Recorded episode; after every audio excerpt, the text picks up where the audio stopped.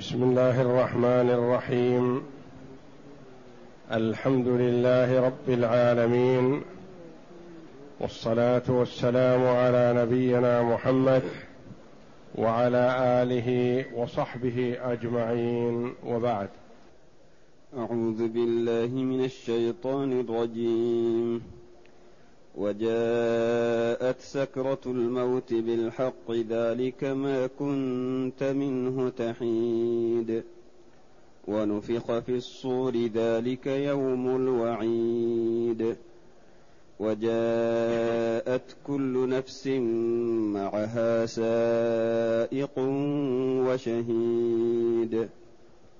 لقد كنت في غفلة من هذا فكشفنا فكشفنا عنك غطاءك فبصرك اليوم حديد.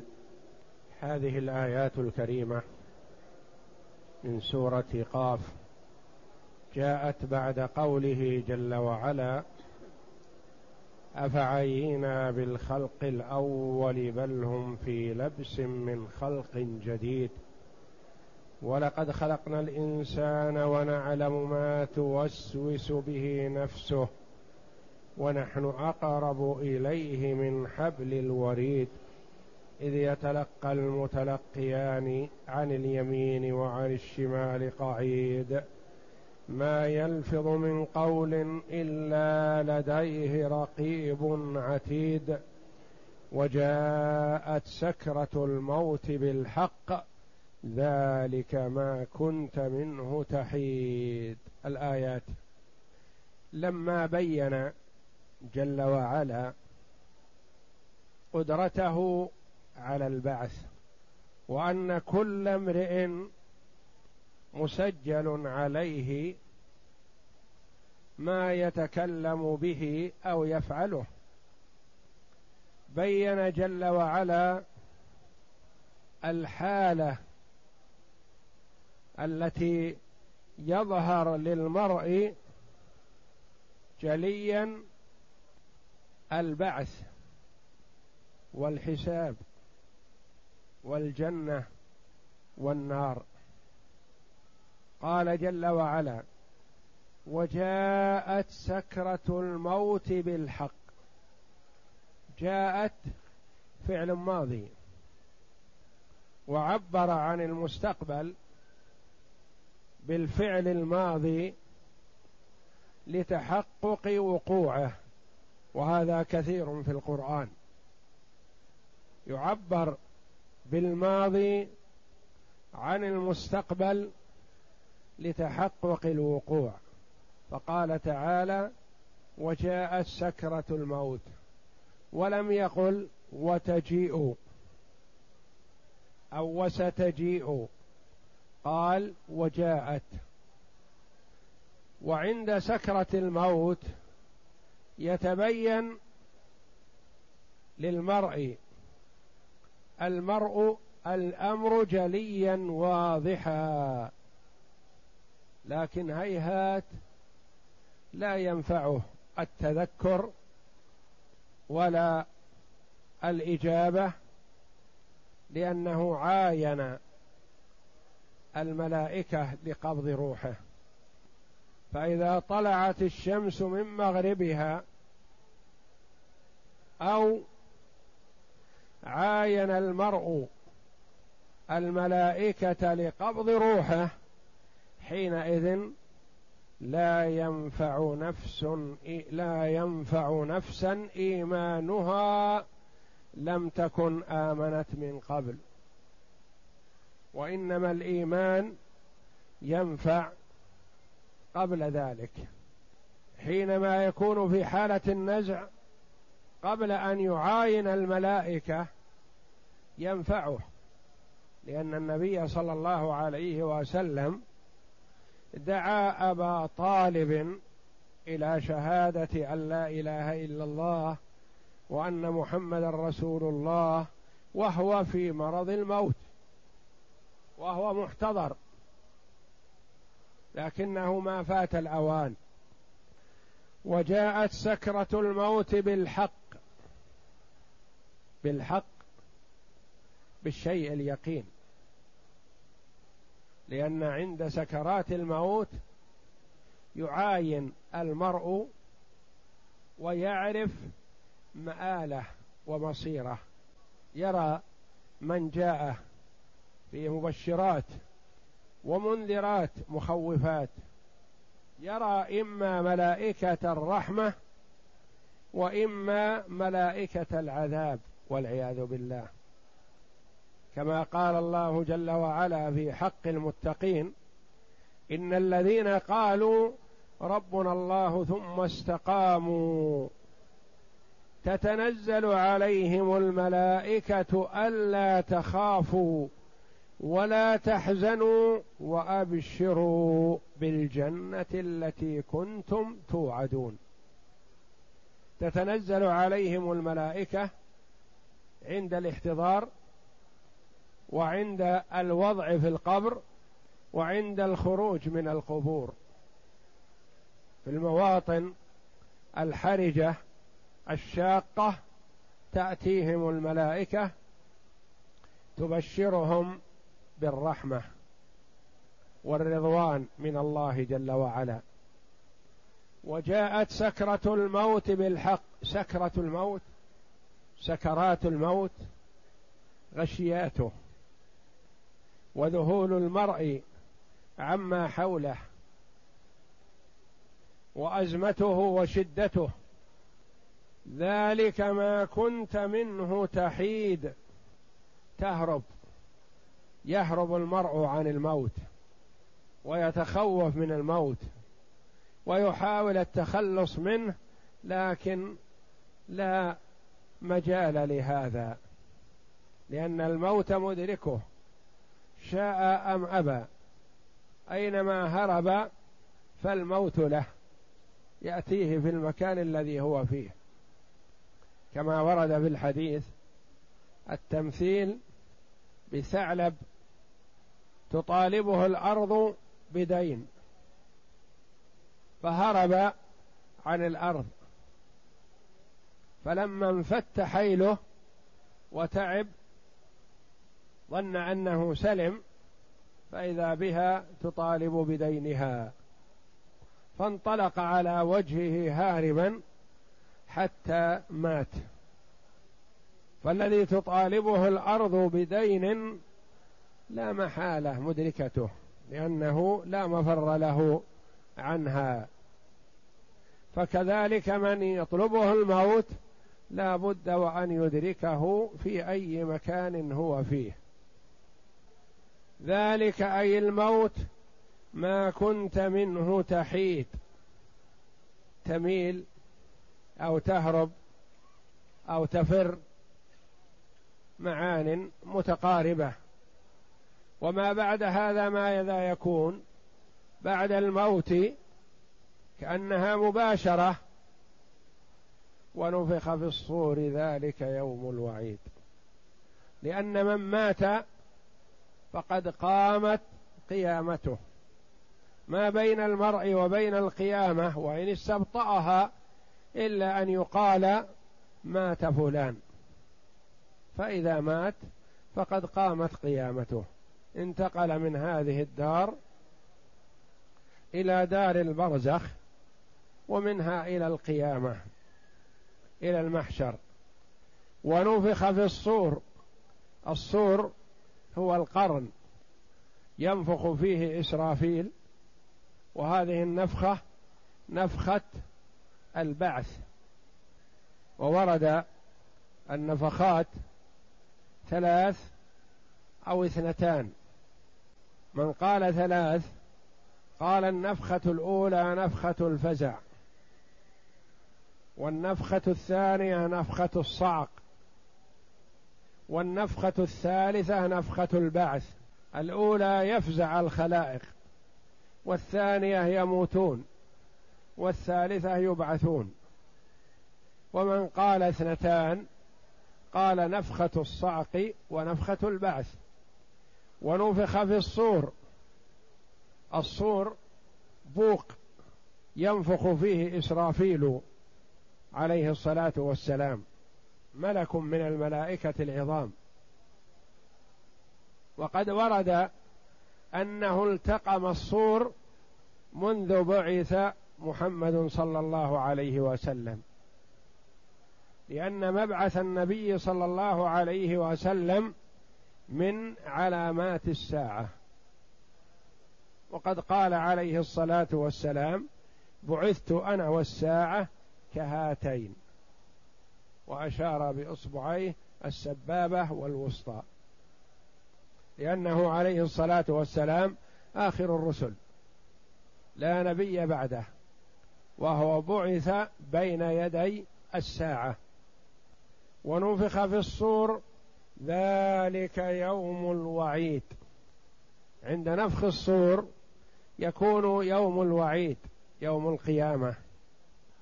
فيخرج الناس من قبورهم. فيصيرون إلى ما يستحقونه. إما إلى الجنة وإما إلى النار. ذلك يوم الوعيد يعني هذا هو اليوم الذي توعد فيه الكفار. وهو كما أنه يوم الوعيد هو يوم الوعد. وعد المتقين بالجنة والرضوان من الله جل وعلا ووعد الظالمين بالعذاب. وعبر عنه بيوم الوعيد ولم يقل يوم الوعد والوعيد لأن المقام مقام نذارة.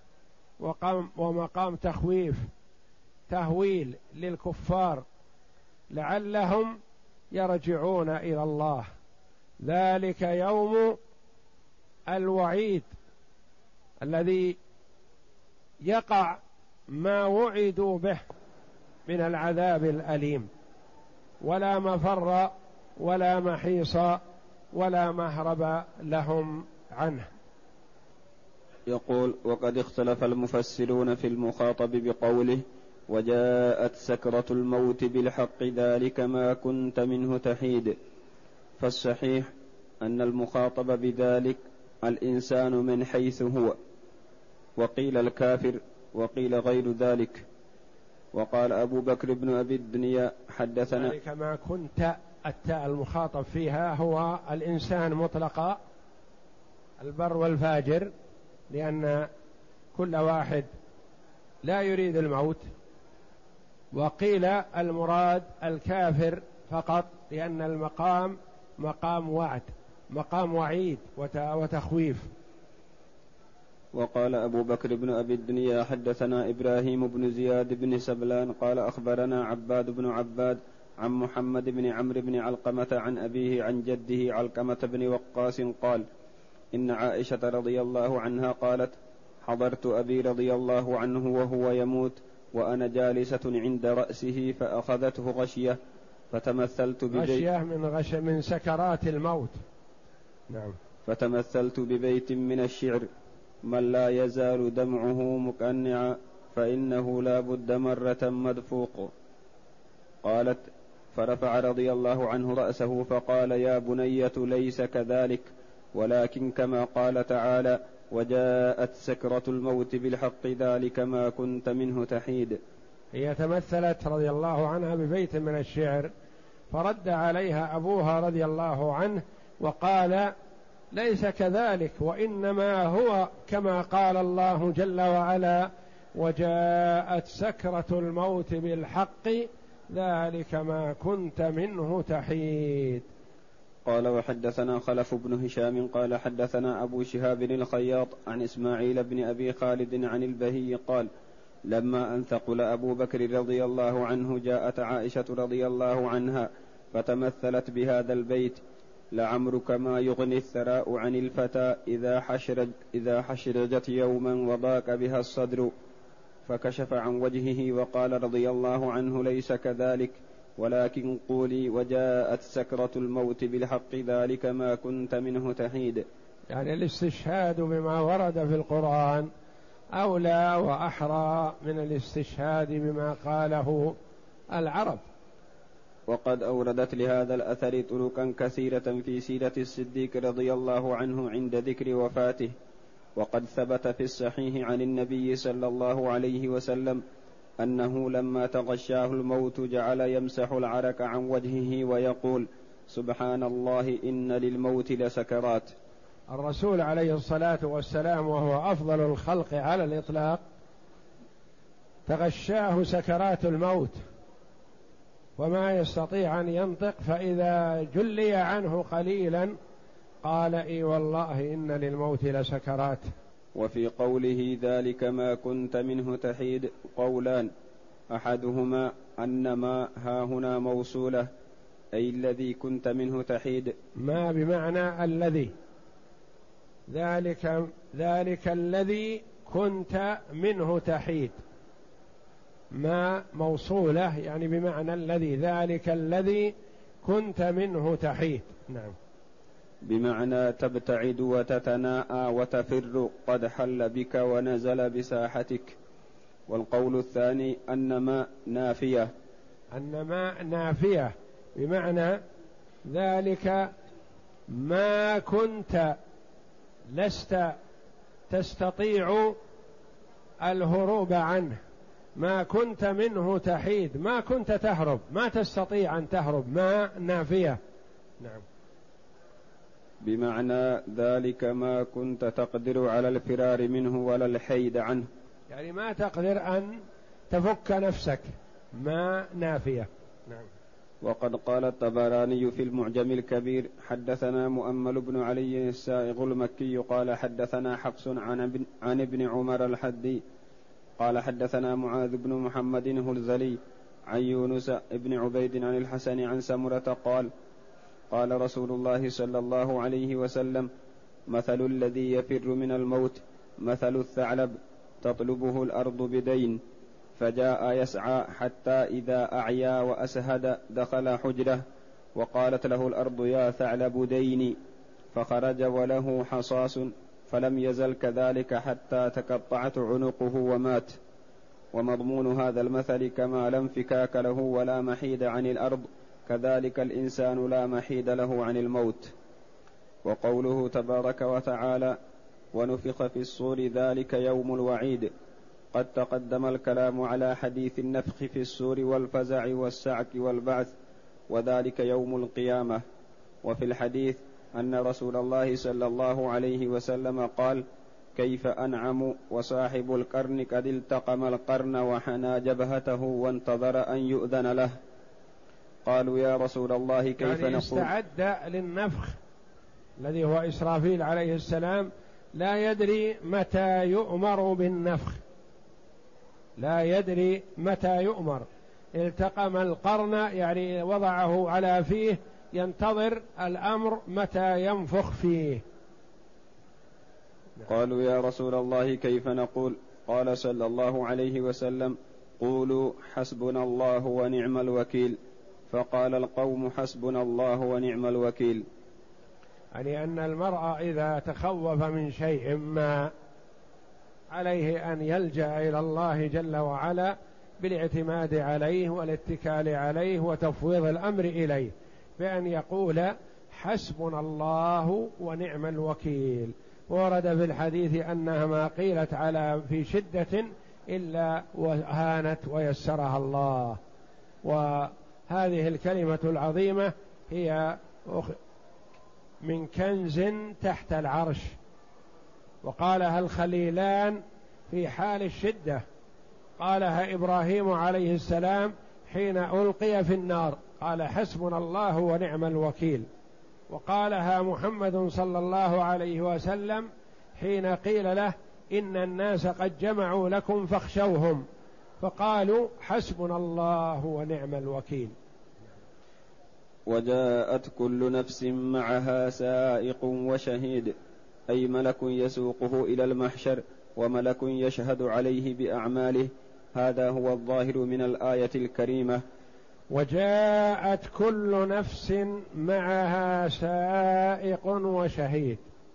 جاءت إلى أرض المحشر تساق كل نفس صغيرة كبيرة عظيمة حقيرة. ذكر أنثى. وجاءت كل نفس معها سائق يسوقها. وشهيد يشهد عليها. ما المراد بالسائق والشهيد؟ قيل السائق ملك يسوقها إلى أرض المحشر. والشهيد ملك آخر يشهد عليها بعملها. وقيل السائق هو الملك الذي يكتب السيئات والشهيد الملك الذي يكتب الحسنات. وقيل السائق ملك من الملائكة والشهيد الجوارح اليدان والفخذان. كل ينطق بما فعل هم الشهداء على ابن آدم. وقال عثمان بن عفان رضي الله عنه سائق ملك يسوقها إلى أمر الله وشهيد ملك يشهد عليها بما عملت. وعن أبي هريرة رضي الله عنه السائق الملك والشهيد العمل. وقال ابن عباس رضي الله عنهما السائق الملك والشهيد شاهد عليه من نفسه وجاءت كل نفس معها سائق وشهيد. ما المراد بهذه النفس؟ قيل أنها عامة كل نفس المؤمن والكافر البر والفاجر. وقيل المراد هنا الكافر خاصة والأول هو الذي قال به جمع من المفسرين يروى عن الجمهور أنه عام في المسلم والكافر كل معه سائق يسوقه وشاهد يشهد عليه ويشهد معه. ومن هو السائق ومن هو الشاهد؟ على اختلاف بين العلماء كما سبق. نعم. ذا وجاءت كل نفس معها سائق وشهيد. لقد كنت في غفلة من هذا. لقد كنت في غفلة من هذا هذا في حق الكافر. أنك غافل عن هذا اليوم الذي تساق إليه. وساه له. أنت في سكرة في غفلة في سهو واشتغال في الدنيا وفي محسوساتها وملذوذاتها ومعرض عن الاستعداد لهذا اليوم. لقد كنت في غفلة من هذا فكشفنا عنك غطاءك أزلنا عنك هذه الغفلة الآن. صار الأمر جليا واضحا بين يديك ترى. وقيل إن هذا عام في كل أحد.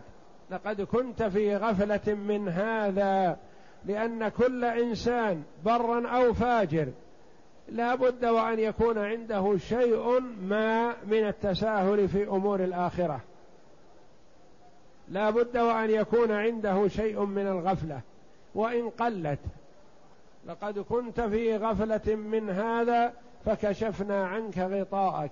أزلنا اللبس وأزلنا الغفلة التي كنت فيها وأزلنا الغطاء الذي يحجب عنك رؤية الآخرة. الآن تراها عيانا واضحا جليا. فكشفنا عنك غطاءك فبصرك اليوم حديد. بصرك قيل المراد بصرك رؤية رؤيتك عينك. وقيل المراد بصر القلب. فبصرك اليوم حديد. وقيل المراد به ميزان الأعمال الذي توزن به أعمال المرء. حديد بمعنى قوي مدرك لكن هيهات حين لا ينفع ذلك بالنسبة للكافر. فبصرك اليوم حديد أي قوي. مدرك للأمور على حقيقتها لأنه في حال الدنيا مكذب بكثير من أمور الآخرة. وصف الله جل وعلا المؤمنين بأنهم يؤمنون بالغيب أي يؤمنون بما غاب عن أعينهم من أمور الآخرة التي أخبرهم الله جل وعلا بها في كتابه العزيز. أو على لسان رسوله صلى الله عليه وسلم فهم يؤمنون بهذا وإن لم يروه وكأنهم يشاهدونه لقوة إيمانهم بما أخبرهم به نبيهم صلى الله عليه وسلم وأما الكافر فهو ينكر ويكذب ولا يصدق بأي خبر يقال له عن أمور الآخرة لأنه منكر للآخرة بالكلية. يقول ليس بعد الموت شيء. ويحسن أن ننبه على كلمة تقال أحيانا يقال انتقل إلى مثواه الأخير. وهذا ليس بصحيح لأن هذا القبر ليس المثوى الأخير. هذا دار بين دارين. دار البرزخ بين دار الدنيا وبين دار الآخرة الجنة أو النار. وإنما الكفار الذين لا يؤمنون بالبعث يقولون هذا القول عن اعتقاد أنه انتهى. وأكلته الأرض وانتهى وخلص لكن المؤمن يؤمن بأنه الآن في روضة من رياض الجنة المقبور أو في حفرة من حفر النار الله أعلم بحاله. ولا يستمر على هذا لأن المؤمن إذا وضع في قبره وفتح له باب إلى الجنة قال رب أقم الساعة. يتمنى أن تقوم الساعة ليذهب إلى أهله وما أعد الله جل وعلا له في الجنة. وأما الكافر والفاجر والعياذ بالله فإذا رأى ما أعد له في الدار الآخرة قال رب لا تقم الساعة مع ما هو فيه من أنه في حفرة من حفر النار يتمنى المقام فيها ولا ينتقل إلى ما هو أعظم وأفظع منها. فالقبر ليس هو المثوى الأخير وإنما هو دار بين دارين هو دار البرزخ وقبله دار الدنيا وبعده الدار الآخرة. وهو اختيار ابن جرير ثم روى من حديث إسماعيل بن أبي خالد عن يحيى بن رافع مولى لثقيف قال سمعت عثمان بن عفان رضي الله عنه يخطب فقرأ هذه الآية وجاءت كل نفس معها سائق وشهيد فقال سائق يسوقها إلى الله تعالى وشاهد يشهد عليها بما عملت. وكذا قال مجاهد وكان عثمان رضي الله عنه إذا وقف على القبر بكى حتى تبتل الأرض بدموعه. فقيل له يرحمك الله تذكر الجنة والنار ولا يحصل عندك شيء من هذا وتذكر القبر فتبتل الأرض بدموعك. فقال إن القبر هو أول منزل من منازل الآخرة فإن كان خيرا فما بعده خير منه. وإن كان شرا والعياذ بالله فما بعده شر منه. والمرء إذا وضع في قبره عرف مآله. إما أن يوسع له في قبره ويفتح له باب إلى الجنة ويكون في روضة من رياض الجنة نسأل الله الكريم من فضله. وإلا والعياذ بالله يضيق عليه في قبره وتلتئم فيه أضلاعه. يعرف من حين ما يوضع في قبره. والبشارة الأولى عند الاحتضار. يرى هل يحضره ملائكة الرحمة أو ملائكة العذاب. وقال مطرف عن أبي جعفر مولى أشجع عن أبي هريرة رضي الله عنه قال السائق الملك والشهيد العمل وكذلك قال الضحاك والسدي وقال العوفي عن ابن عباس رضي الله عنهما السائق من الملائكة والشهيد الإنسان نفسه يشهد على نفسه. يشهد على نفسه كما قال الله جل وعلا يوم نختم على أفواههم وتكلمنا أيديهم وتشهد أرجلهم بما كانوا يكسبون. عندما يقف المرء بين يدي الله جل وعلا يقول يا رب ألم تجرني من الظلم؟ قال بلى. قال يا رب إني لا أقبل شهيدا إلا من نفسي. يظن أنه يسلم بهذا. فيقول الله جل وعلا له ذلك. لك ذلك. ويختم الله على فيه ثم تنطق الجوارح بما عملت من الأعمال السيئة. كل جارحة تنطق بما عملت. ثم يفتح له في الكلام فيقول قبحكن الله وسحقا لكن وبعدا كنت أناضل عنكن؟ كان جحوده خوفا عليهن من النار وهن الأعضاء الجوارح فضحنه. فيقولن أنطقنا الله الذي أنطق كل شيء. وحكى ابن جرير ثلاثة أقوال في المراد بهذا الخطاب في قوله تعالى لقد كنت في غفلة من هذا فكشفنا عنك غطاءك فبصرك اليوم حديد أحدها أن المراد بذلك الكافر. رواه علي بن أبي طلحة عن ابن عباس رضي الله عنهما وبه يقول الضحاك بن مزاحم وصالح بن كيسان والثاني أن المراد بذلك كل أحد من بر وفاجر لأن الآخرة بالنسبة إلى الدنيا كاليقظة والدنيا كالمنام. وهذا اختيار كالمنام حتى بالنسبة للمؤمن والآخرة يقظة يرى الأمور جلية واضحة. نعم. وهذا اختيار ابن جرير ونقله عن حسين بن عبد الله بن عبد الله بن عبيد الله عن عبد الله بن عباس رضي الله عنهما والثالث أن المخاطب بذلك النبي صلى الله عليه وسلم وبه يقول زيد الثالث أن المخاطب بهذا النبي صلى الله عليه وسلم أي لقد كنت في غفلة من هذا يعني عن الرسالة. ما كنت تتوقعها ولا تتهيأ لها فأتاك من الله ما لم تتوقعه وهو هذا التكريم والرسالة العظمى.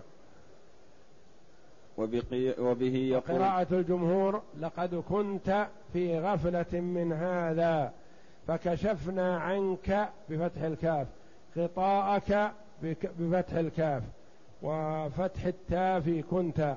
وقراءة أخرى سبعية لقد كنت بكسر التاء وكسر الكاف والمراد بها النفس. لقد كنت أيها النفس.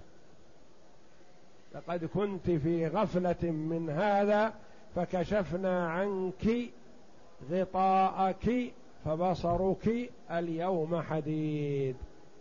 وبه يقول زيد بن أسلم وابنه والمعنى على قولهما لقد كنت في غفلة من هذا القرآن قبل أن يوحى إليك فكشفنا عنك غطاءك بإنزاله إليك فبصرك اليوم حديد والظاهر من السياق خلاف هذا.